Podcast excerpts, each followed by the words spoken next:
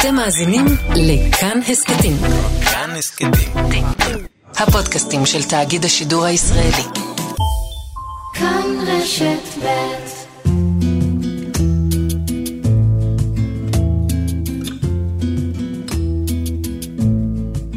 יש אנשים שממש מחפשים את הלבד. לא כי קשה להם עם אחרים, אלא כי מאוד נעים להם עם עצמם. אני תמיד אומר שאני עובד כל כך קשה וכל כך עמוס. לפעמים אני אומר, וואלה, להיות איזה חצי שנה בכלא עם לפטופ, נשמע לי כמו חלום נפלא. לא נשמע לי נורא. אבל אלה שנמצאים בכלא לא חושבים ככה. אלה ששמו אותם 14 יום בבידוד בגלל הקורונה, אומרים שזו חוויה נוראית, קשה ביותר, ואני לא מבין אותם.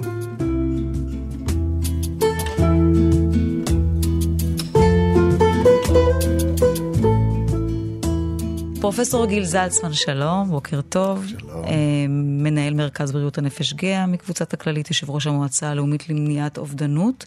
בחרף העליצות בקולי לפגוש אותך, נדבר על נושא מעט מדכדך, לפחות בהגדרה, אלא אם כן אה, נמצא בו גם דברים חיוביים. נדבר על בדידות. איך תגדיר בדידות? בוא נתחיל מזה שלהיות לבד זה לאו דווקא בדידות. יש אנשים שלהם להיות לבד זה בכלל לא בדידות. הם נמצאים עם האדם שהם הכי אוהבים, שזה עצמם, והם לא חשים שום בדידות. בדידות היא חוויה סובייקטיבית, היא לא חוויה אובייקטיבית. אתה יכול להיות מוקף אנשים ולהרגיש בדידות נוראית. יכולים להיות לך 5,000 עוקבים באינסטגרם ו-20 אלף חברים בפייסבוק, ואתה מרגיש מאוד לבד. ואני חושב שזו חוויה כל כך אוניברסלית, שאין מאזין שלא מכיר את זה, שאתה פתאום מרגיש מאוד לבד בעולם. אני מתעניין בזה בחלק הקליני יותר, בחלק שבדידות הופכת להיות כמעט מחלה, שהיא מביאה אנשים למצבים של מצוקה, חרדה, דיכאון, ואפילו ניסיונות התאבדות והתאבדויות. תכף נגיע להיבט אה, הזה. בדידות היא נושא שגם לא מעט מתפייטים עליו, מתפלספים עליו, כותבים עליו, משוררים עליו, ויש מי שמשוכנע, לפחות בין הפילוסופים, שבדידות היא המצב הטבעי, וכל דבר אחר, אדם נועד, אה, גר בתוך עצמו. הוא נועד להיות לבד, כל מצב אחר הוא בריחה מתוך זה. ויש מי שמשוכנעים, נגיד בובר ואחרים, שמי שלא מממש בסוף את הפוטנציאל שלו כאדם, חווה את הבדידות. כי בן אדם צריך לחיות בחברות, בדו-שיח עם העולם הזה. מה נכון בעיניך בין שתי הגדרות, או שזה שוב עניין סובייקטיבי? קודם כל, אחרי, אה, את יודעת, שבועיים שלושה בבית בסגר, פתאום בדידות נראה חלום נפלא. אבל בזמן שאת קראת את בובר, אני קראתי דרווין. אוקיי. ודרווין אומר שלמעשה בדידות זה מצב רע מאוד לאנשים והם צריכים לשאוף לא להיות בו, כי באופן ביולוגי, ודרווין צפה בבעלי חיים, בעלי חיים צריכים להיות חברותיים. הם צריכים לשאוף להיות בתוך הקבוצה, בתוך השבט. מטעמי חברות ומטעמי הישרדות. התרבות? מטעמי הישרדות. כי אם אתה אה, קוף או שימפנזה, ואתה מחליט להיות אה, פילוסוף, אה, לקרוא בובר בשיחים ולא להיות עם הקבוצה שלך, אתה תטרף. אתה עלול למות או מאוכל או שמישהו יטרוף אותך.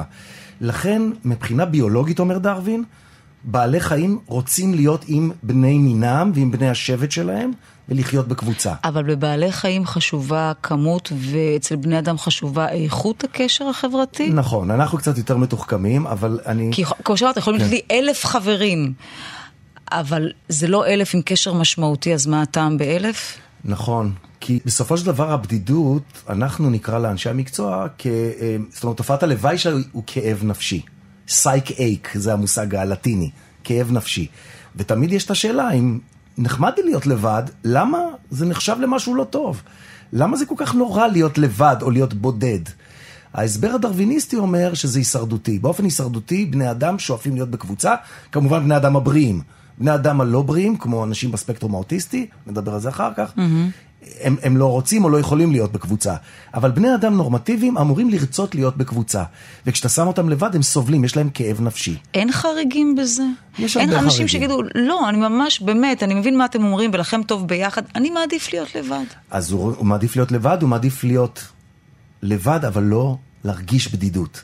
זאת אומרת, כשאנחנו מדברים על בדידות, אני שוב מדבר על מושג אתה קליני. מדבר על פיזי אל מול לא, אני מדבר נפשי? על חוויה נפשית שיש, שהיא מושג קליני בעבודה שלנו. היא קצת שונה מהתפיסה, נגיד, הפילוסופית או החברתית.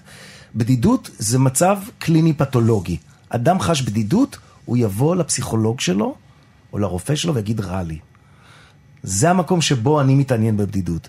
תפיסה פילוסופית של להיות לבד, להיות עם עצמך, היא לא קלינית. לאנשים לפעמים מאוד טוב להיות לבד. יש אנשים שממש מחפשים את הלבד. לא כי קשה להם עם אחרים, אלא כי מאוד נעים להם עם עצמם.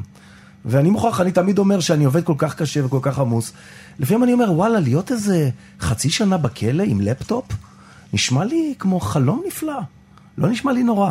אבל אלה שנמצאים בכלא לא חושבים ככה. אלה ששמו אותם 14 יום בבידוד בגלל הקורונה, אומרים שזו חוויה נוראית, קשה ביותר, ואני לא מבין אותם. אומר, תנו לי רק קצת שקט. מה, גם אותי הם ישאלו, אומרת, מה זאת אומרת? עדיף לי להיות עם קורונה במלונית, לבד, מאשר בחמישה ילדים על הראש בבית בסגר.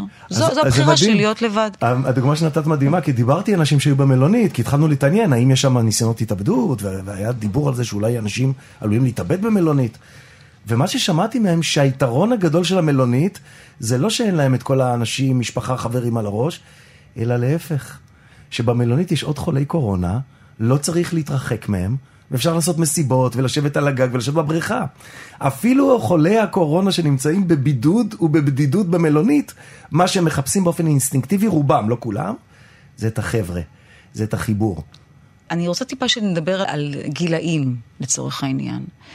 ילד שבהגדרה הוא, הוא ילד בודד, הוא גם יגדל להיות אדם כזה, או שאולי ילד שניתן לו מספיק כלים כדי uh, להיות אדם uh, עם קשרים טובים, שירגיש uh, בטוח בעצמו, גם ייצור קשרים בטוחים בהמשך, ולא יהיה בודד. אני ניגש לזה ברוורס, אני יושב בקליניקה ואני רואה ילד שההורים אומרים אין לו חברים. זאת אומרת, מתבגר, שבגיל ההתבגרות למשל, אתה אמור להיות מאוד חברותי, זה הביזנס של המתבגר, זה להיפרד מההורים ולהישען על ה peer group, על קבוצת השווים. וכשזה לא קורה, הם באים לרופא. אני תמיד מסתכל דרך עיניים של רופא. וכשאני רואה אדם כזה שאין לו חברים, אני מחפש ב reverse מאיפה התחילה הבעיה. ואני יכול להגיד לך שבגדול, אפשר לחלק את זה לשלוש קבוצות עיקריות. אנשים שלא צריכים אף אחד, הם פשוט לא צריכים אנשים אחרים. אה, חלקם יהיו בספקטרום האוטיסטי, הם אנשים שלא מבדילים בין אדם לכיסא, ומבחינתם אין שום בעיה להיות לבד, והם גם, בני אדם אפילו מפריעים להם. הם, הם מעצבנים אותם. הם, הם, עושים הם, רעש. עושים רעש, מוציאים אותם אה, מהעולם הפנימי שלהם, משנים את הדברים הקבועים, הם אוהבים דברים קבועים. זאת אומרת, אנשים בספקטרום האוטיסטי, אני מדבר על הקצה הקיצוני שלו, לא צריכים אנשים אחרים. יש קבוצה של אנשים שדווקא זקוקים לאנשים, אבל הם פוחדים מלהיות עם אנשים. זו קבוצת החרדה החברתית, ה-social anxiety. זה לא נדיר אגב, זה די נפוץ, וזה אנשים שהתחילו את הקריירה שלהם כילדים צעירים, גם בגן.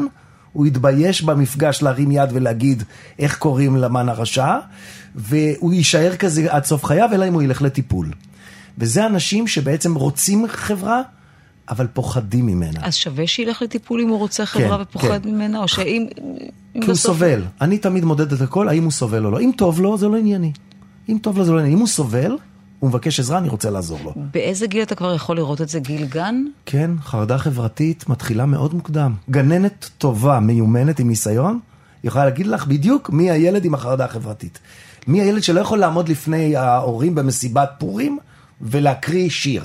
כי הוא פוחד מקהל, הוא פוחד מהמון אנשים. אבל לפעמים הוא לא יכול לעמוד ולהקריא שיר, והוא לא אוטיסט, לא מוגדר כאוטיסט, יש לו לקויות למידה או קשב וריכוז שמונעים ממנו אינטראקציה כן, אז חברתית. זה כבר הקבוצ, הקבוצה השלישית. זו השלישית? זה הקבוצה השלישית. זה אנשים שרוצים אנשים, הם לא פוחדים מהם, אבל הם לא יודעים איך לעשות את זה.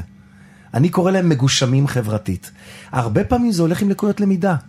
כמו שהם, יש להם לקות בללמוד לקרוא, יש להם לקות בללמוד לקרוא סיטואציה חברתית. ולזהות קודים חברתיים של התנהגות, לזה אתה מתכוון? בדיוק, שם הליקוי שלהם. כלומר, אם, יראו מישהו שנמצא במצוקה רגשית, הם, הם לא עלולים ידעו... לא להבין את זה. הם עלולים להגיד משהו חסר טקט, נקרא להם אנשים חסרי טקט. הם לא להעליב. יודעים לעשות את זה, הם להעליב בלי להבין שהם העליבו.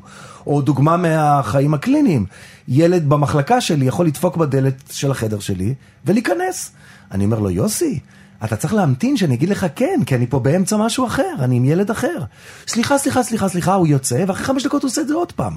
הוא לא למד, הוא לא ביצע למידה, הוא לא מסוגל, בגלל האונה הימנית של המוח, ללמוד קודים חברתיים. האנשים האלה פעם קראו להם אספרגר, קראו להם social communication disorder, זה המקרים הקיצוניים של הקצה הקליני. אבל סתם אנשים מגושמים חברתית, יש הרבה כאלה. אני חושב שאולי מרק צוקרברג הוא כזה. האדם שהמציא את הרשת החברתית, תסתכלי על רעיונות שלו עם מראיינים, הוא, הוא לא יודע לקרוא את הקודים החברתיים, הוא קצת נראה חסר טקט. הילדים האלה יגדלו כמעט בהכרח לתוך תחושה של בדידות גבוהה יותר נכון. מאשר אחרים. הם לא מצליחים, והם נשארים לבד, לא מזמינים אותם למסיבת כיתה ולא לבר מצווה או בת מצווה.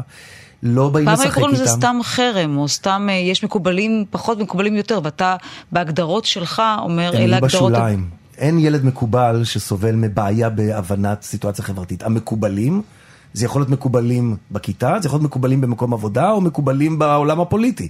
אנשים שהם במרכז החברתי, הם אלופים בלקרוא סיטואציות חברתיות, או קודים, או ניואנסים שלא עוברים בשפה, הפארה-ורבלי.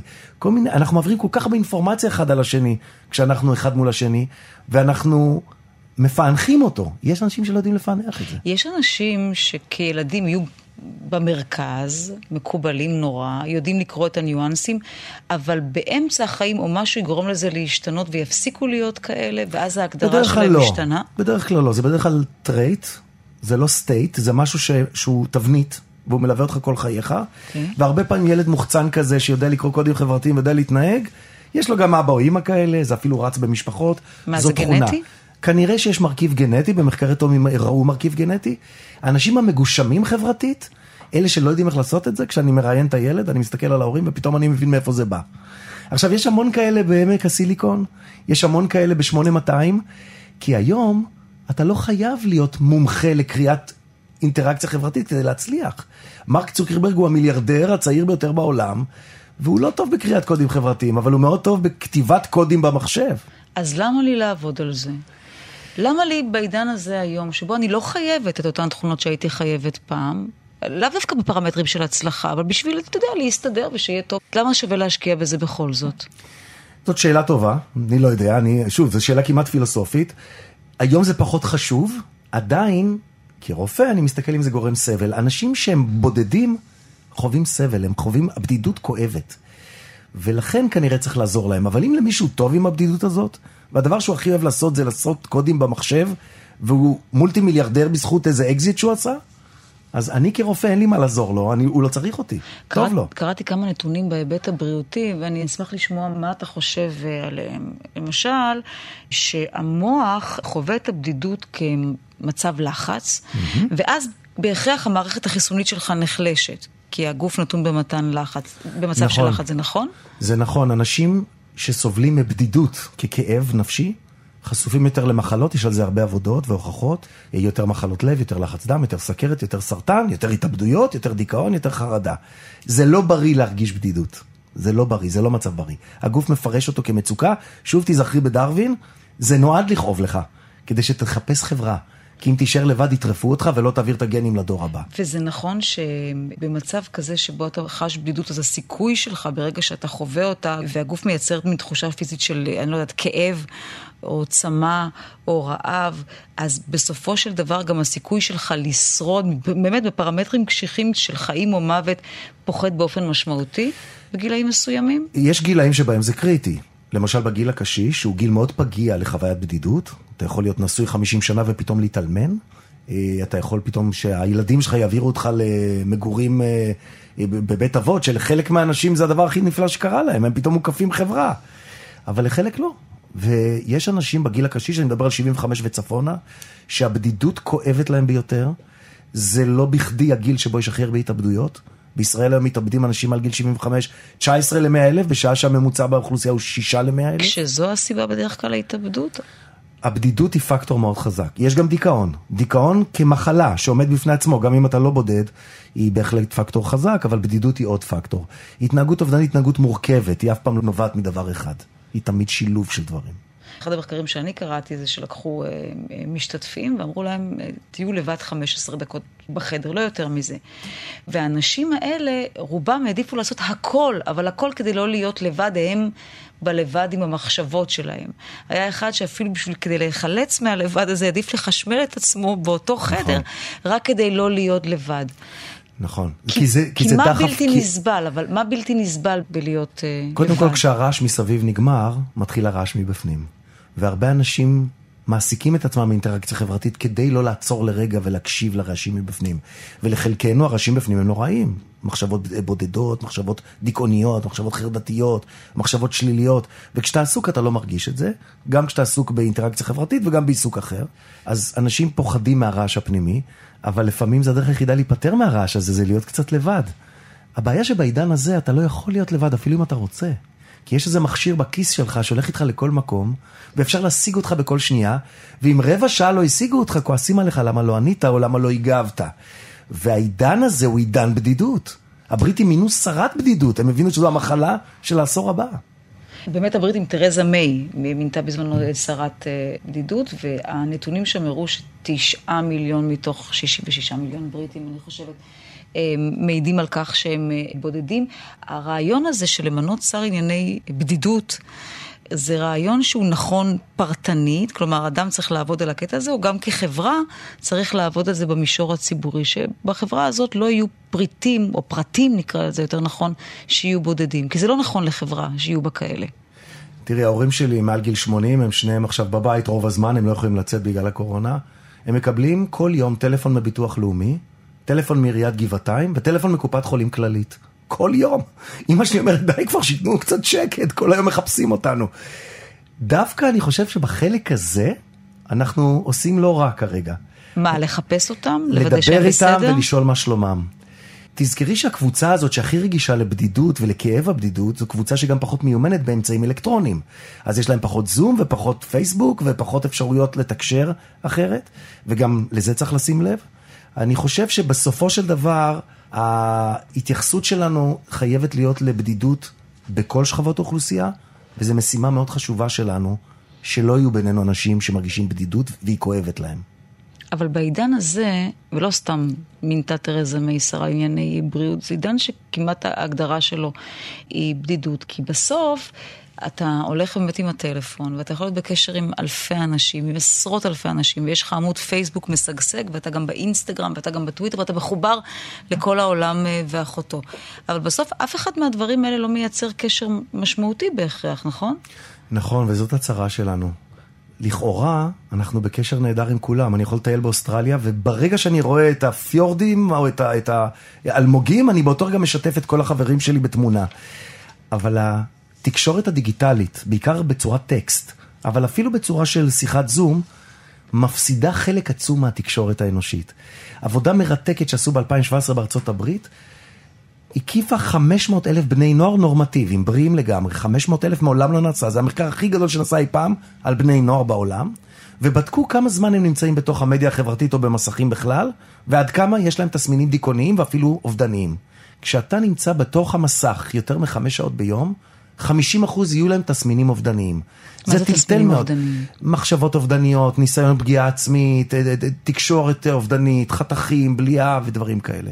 זה הבהיל מאוד את האמריקאים, כי יש להם עלייה דרמטית בהתאבדויות ב-70%. תוך עשור יש עלייה ב-70% של התאבדויות בבני נוער. ההסבר של החוקרים, שכשאתה בתוך מדיה חברתית, אתה בעצם מחמיר את הבדידות שלך. ולמה? הרי אתה אומר, זה מדיה חברתית, היא חברתית. היא חברתית, אבל היא מפסידה משהו נורא חשוב. כשאנחנו יושבים עכשיו פה באולפן אחד מול השני, את רואה את התנועות שלי, את רואה מה אני לובש, את רואה איך אני זז, איך אני מגיב. את מקבלת המון אינפורמציה מעבר לטקסט שלי. המאזינים בבית שומעים את המילים שלי, הם שומעים את המוזיקה, הם מרוויחים די הרבה טקסט, הם לא רואים אותי. אלה שיקראו וואטסאפ שלי... לא, אבל אם אני אראה אותך בזום... את עדיין מפסידה המון דברים, כי בזום את רואה רק את הפנים שלי, נגיד, את לא רואה שאני מזיז את הרגל בעצבנות, או שאני אה, קר לי, או שאני מזיע כי אני בחרדה, את עלולה להפסיד הרבה מידע, וכשאני אכתוב לך טקסט, את תפסידי עוד יותר. את בעצם תשמעי רק את המילים, אבל לא את המוזיקה שלהם. כמה פעמים קרה לנו שרבנו עם מישהו, כי לא הבנו מה הוא אמר, כי לא היה שם מוזיקה, ופירשנו לא נכון את הטקסט. הדבר הזה, מסתבר, טוענים החוקרים, שהוא מנוון אזורים במוח שאחראים על חברותיות. בדיוק כמו שנהגי המוניות בלונדון התנוונו ביכולת הניווט שלהם ברגע שהם התחילו להשתמש בווייז, ילדים, בני נוער וכנראה גם מבוגרים מאבדים את היכולת שלהם לתקשר טוב כשהם חיים בעולם של תקשורת טקסטואלית. אז הפונקציה של כמה זמן אני עושה את זה? כנראה, זה מה אמרת יותר שכרגע מצאו. מחמש שעות. אבל היום, אם אנחנו לרגע חוזרים לקורונה, לא מעט בני נוער, ולאו דווקא גם ילדים, וגם אה, ילדים בגיל הרך, אנחנו יכולים להמשיך להגיד שזה נורא ואיום. בפועל לפעמים זה צורך גם של ההורים להושיב מול מסכים כדי זה להעביר פתרון, חלק. זה סוג של פתרון, כדי במיוחד היום. מטלות אחרות, או לאפשר להיות קשובים למשהו אחר שדורש את הקשב שלהם באותו רגע. אז יושבים המון שעות מול מסכים. אז אתה פה מתריע, מה שעל פניו הוא ברור מאליו, אבל אתה אומר, זו ממש סכנה אמיתית. אתם לא, לא בהכרח תראו את זה עכשיו, תראו את זה מה, בגיל 14? נכון. ואנחנו אה, מתריעים את זה, אבל, ואפילו חשבו במשרד הבריאות להקים איזושהי ועדה ולנסות לייצר איזה שהם נורמות או, או כללים, ואז באה הקורונה ופתאום המסך הפך להיות הפתרון שלנו. נכון? מה שחשוב זה לזכור שהמדיה החברתית היא לא אויב שלנו. היא מאפשרת לילדים למשל שגרים רחוק, או ילדים שיש להם קושי בתקשורת, דווקא לתקשר. זאת אומרת, לחלק מהאנשים האלה בספקטרום, נגיד האספרגרי, התקשורת הזאת מאוד עזרה להם.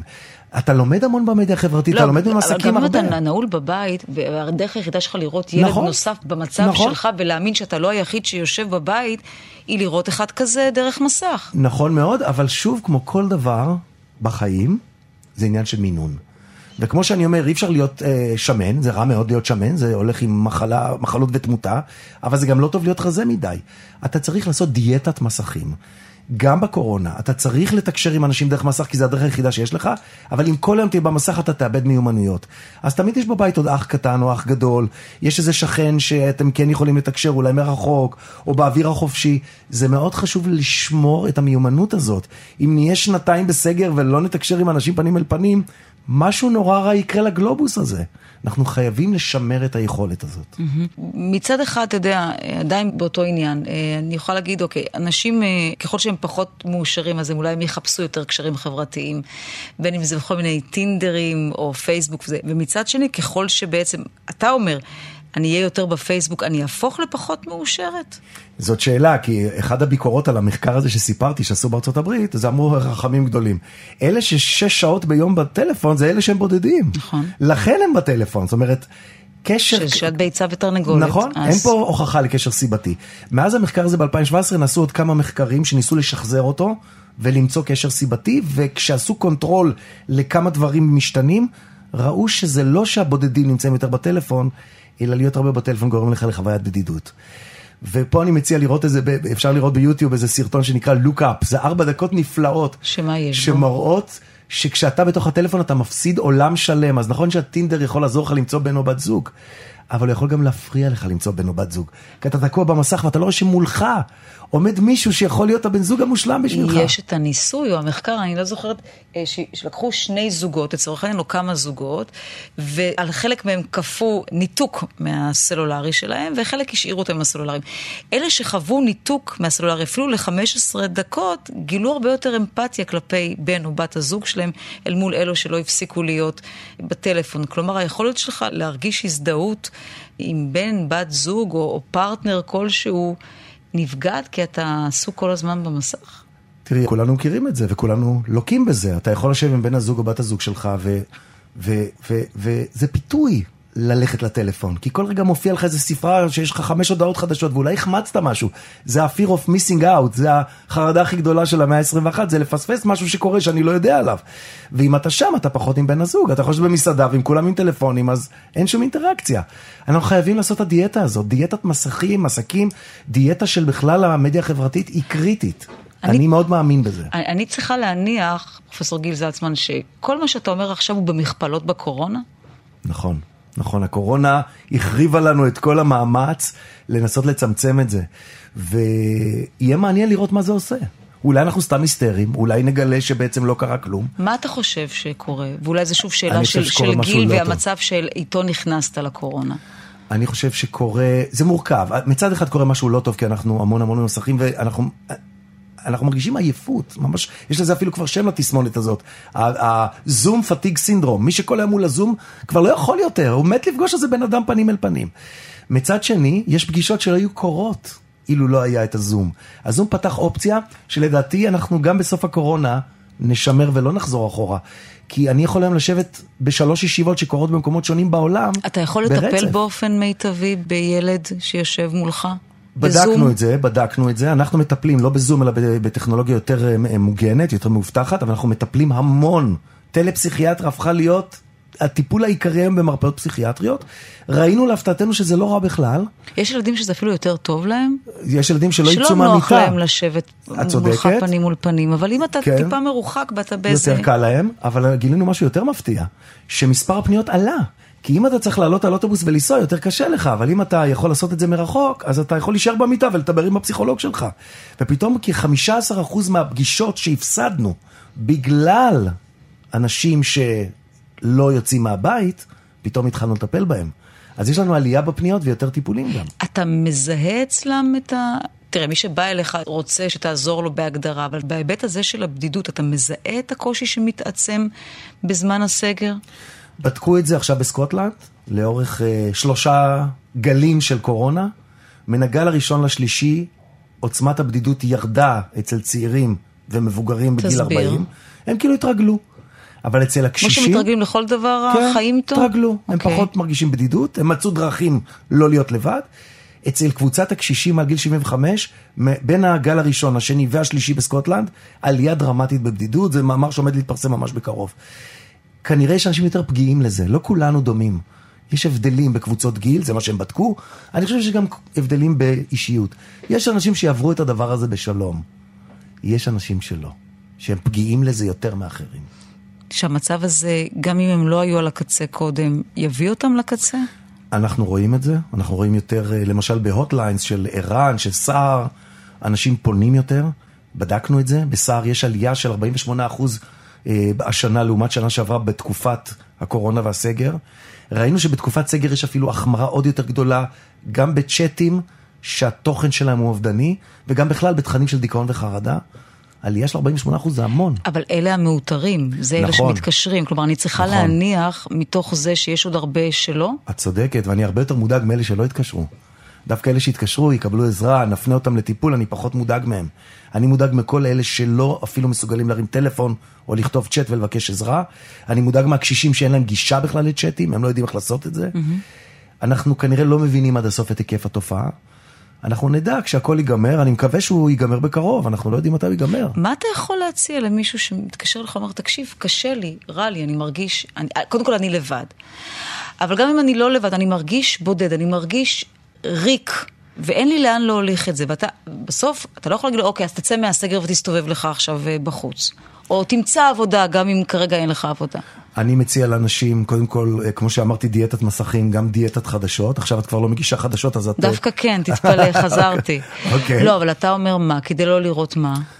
כי גם כל היום לראות חדשות, אני צרכן אלכוהוליסט של חדשות, אני מרגיש שזה לא לגמרי עושה לי טוב. אני, אני חייב לדעת כדי להרגיש פחות חרדה, להבין מה קורה, אבל אולי זה לא טוב לראות אבל כל זה היום חדשות. המינון או התכנים של מה אני אתה חושב רואה? שזה המינון והתכנים, השילוב של האיכות והכמות.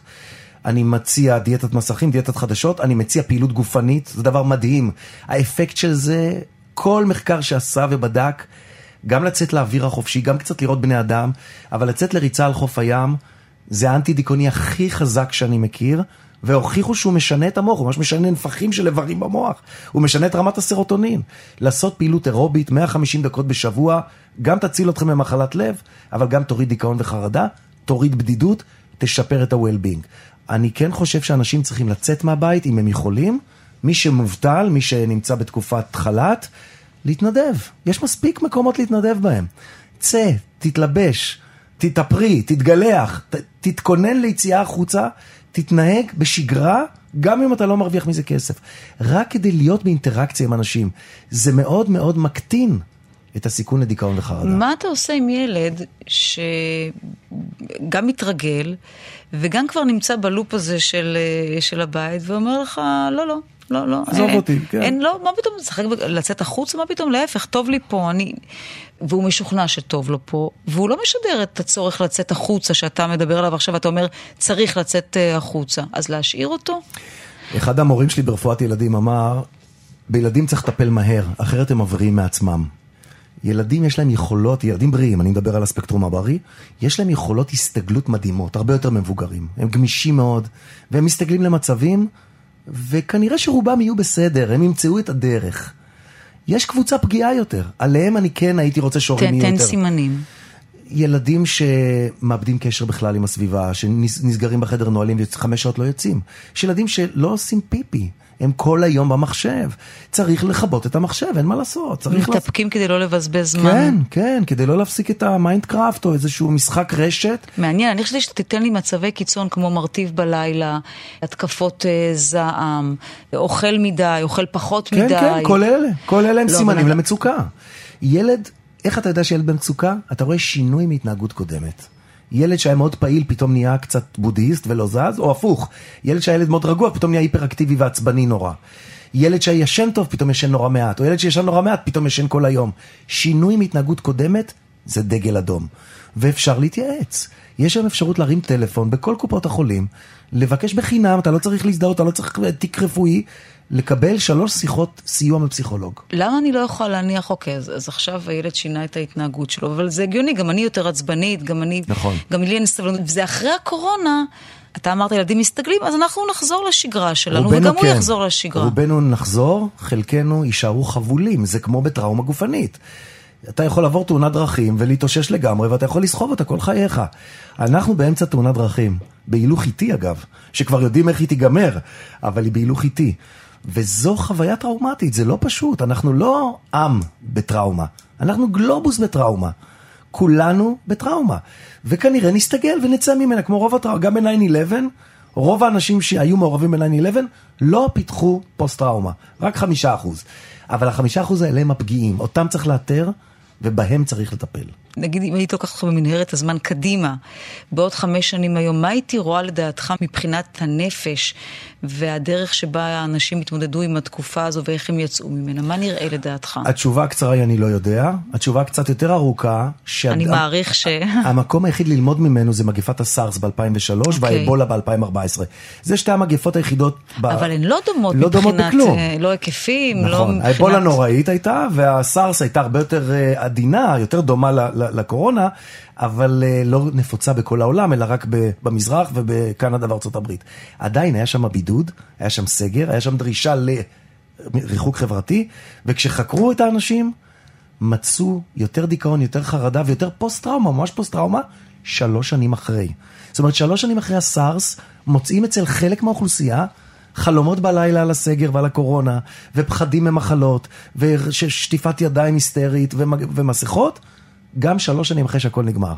אז אם אני מתבסס על זה, ואני עושה פרויקציה קדימה, כנראה שתהיה קבוצה באוכלוסייה, שהדבר הזה ילווה אותם עוד הרבה שנים, גם כשהקורונה כבר לא תהיה סביבה. אחד הדברים שאני באופן אישי מאוד מוטרדת מהם, אולי אתה אפילו במכפלות, הוא העובדה שבכל המתווים שמדברים עליהם עכשיו של חזרה לשגרה וחזרה ללימודים, אין שום היבט של טיפול נפשי באוכלוסייה שהייתה כלואה בבית ועדיין כלואה במשך שבועות. אתה רואה את המתווים של חזרה לבית ספר, אתה לא רואה שם רכיבים של, אוקיי, אז, אז שיחות עם אה, יועצות, עם אה, פסיכולוגיות, פסיכולוגים, אה, ואיזשהו טיפול נפשי, להכיל את מי שעכשיו חוזרים לבית ספר ומצפים מהם שיחזרו ללמוד, אבל לא ידעו להכיל את הטראומה שהם עברו ועליה אתה מדבר. נכון, אבל את יודעת, זה נורא דומה גם לטראומות של מלחמה.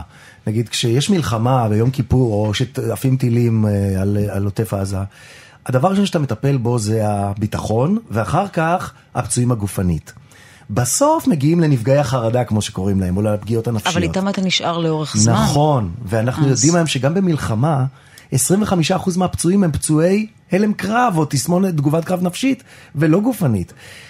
בהתחלת המלחמה הזאת שנקראת קורונה, אף אחד לא דיבר על בריאות הנפש. כולם עסקו רק בהישרדות גופנית. אבל גם ככה בריאות הנפש היא האחות הצולעת נכון, והחורגת של... נכון מאוד, שנמצאת במרתף ולא זוכרים אותה. עכשיו, אני מוכרח להגיד שיש הרבה יותר מודעות, מדברים על זה יותר. בכל דיון בקבינט הקורונה שמדברים על סגר, מדברים על המחירים הנפשיים של סגר. לכן זה גם חלק מהסיפור. בהתחלה זה לא, לא דיברו על זה מילה. היום אנחנו יודעים שזה חייב להיכנס למערכת השיקולים, חייב. כשאתה מחליט אם לסגור או לפתוח, תחשוב גם על ההיבט הנפשי. מה היית עושה אם, אם הייתי אומרת לך, אוקיי, שרטט לי תוכנית עכשיו לבריאות הנפש, נתחיל בילדים, מה היית עושה מבחינת חזרה ללימודים שמאפשר להם את החזרה הבטוחה? קודם כל מודעות, כולם צריכים לדעת, וזה שאנחנו מדברים על זה עכשיו זה חשוב, כי אנשים שומעים וצריכים להסתכל על זה, להגיד, רגע, מה, אז אין לי קורונה, ואין לי אף אחד עם חום בבית, אבל מה שלומנו? מה עובר עלינו? אולי יש מישהו במשפחה שפגיע יותר, או מישהו במשפחה המורחבת שצריך יותר תשומת לב, וללכת לטיפול. אנשים לא הולכים לטיפול. אנשים מתים מבושה. אנשים לא הולכים בגלל הסטיגמה לט- לטיפול. הסטיגמה הורגת, הסטיגמה בבריאות הנפש הורגת והורים אנשים. לא לוקחים ילדים לטיפול בגלל הורים הסטיגמה? צריכים להיות על סף תהום כדי לקחת ילד לפסיכיאטר. בישראל, בארצות הברית הרבה פחות, באירופה הרבה פחות. אנחנו במובן הזה כמו מדינות העולם השלישי.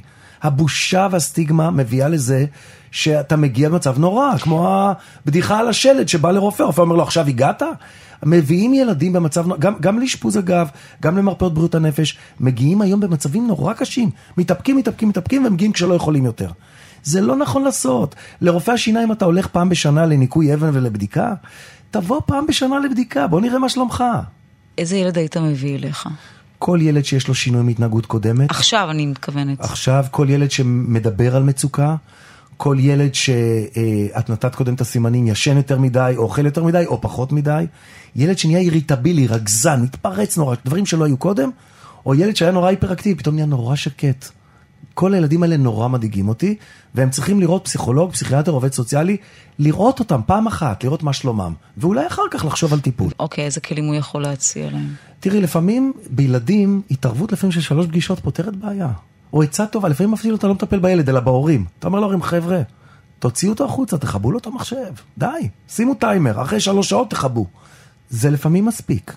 בספקטרום היותר קיצוני, צריך טיפול פסיכולוגי, טיפול תרופתי, ולא צריך לפחד לתת תרופות לילדים שזקוקים לזה. לפעמים ילד צריך פרוזק כדי לא להתאבד, או כדי לא להגיע למצוקה קשה שתביא אותו לאשפוז. ולפעמים אנשים מחכים יותר מדי. זה מאוד מאפיין את הציבור הישראלי. אנשים מתים מבושה. מה היית עושה בגילאים יותר... אה, אני אתן לך כמה סיטואציות. אישה מבוגרת, היא כבר רגילה לחיות לבד, אוקיי? היא עושה הכל לבד, היא מסתדרת מצוין לבד, היא פנסיונרית וטוב לה עם הלבד. תהיה בעיה או שאין מה לבדוק פה? זה מי בסדר. שטוב לו עם הלבד, והחיים שלו לא ממש השתנו בעקבות הקורונה, כי הוא לא הולך לפאבים ולמסעדות ולקונצרטים, הוא פחות נפגע. כי השגרה שלו לא השתבשה. הצרה הגדולה להפך, כולם הגיעו אליו. כן, באותה כן. וכל היום טלפונים, נודניקים, תפסיקו להתקשר, טוב לי עם הלבד שלי, תעזבו אותי.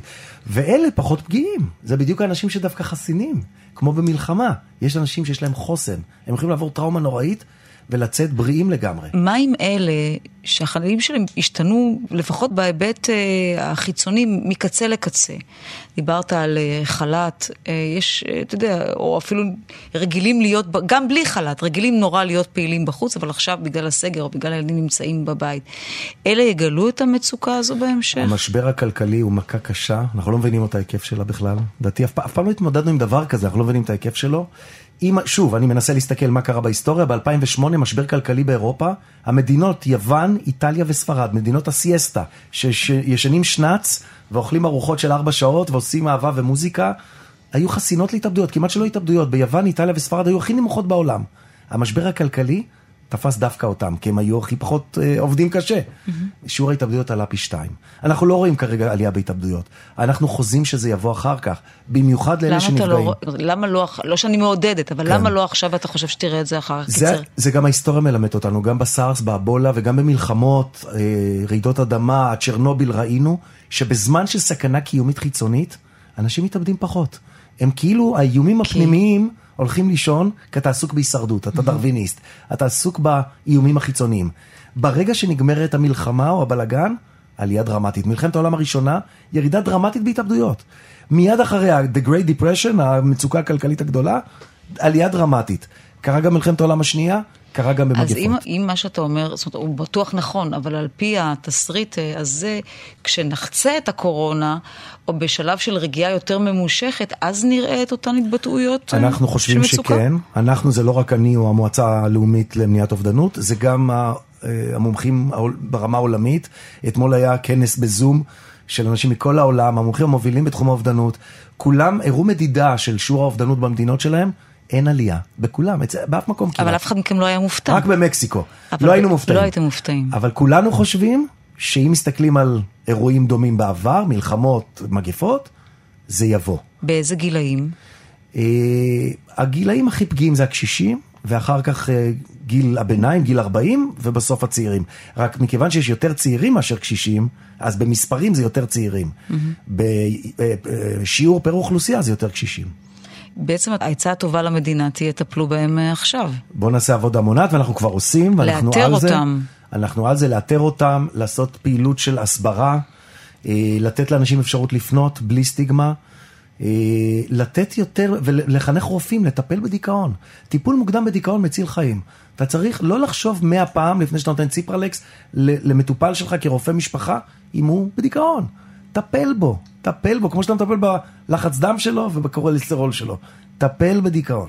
איך היית מאבחן גברים אל מול נשים בקטע הזה, בהיבטים שדיברת עליהם עכשיו, וגם בכל הנושא שנקרא בדידות? אני יכולה לטעון, וזה יהיה טיעון שטחי, שגברים הם נראה שהם יצורים הרבה יותר חברתיים וזורמים, אבל הקשרים שלהם הם יותר קשרים של... לא יודעת, בוא ניפגש לבירה, מאשר קשרי עומק וחברות אצל בנות, אני אטעה.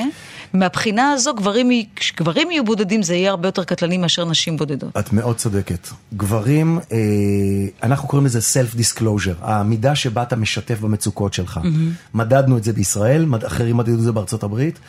גברים לא טובים ב self-disclosure. שיחת טלפון ממוצעת בין שני מתבגרים בנים, זה... דקה? She left me, my girlfriend, let's go play baseball. Mm-hmm. מדברים רק על ספורט, וכשכבר מדברים על יחסים או על רגשות, זה מיד עובר לספורט. בנות בארצות הברית, ובדקנו גם בארץ, ידברו הרבה יותר זמן, נפח, יותר שעות, וידברו על הכל, הן משתפות יותר. נשים כטרייט משתפות יותר במצוקה ומתקשרות יותר את הקושי שלהן.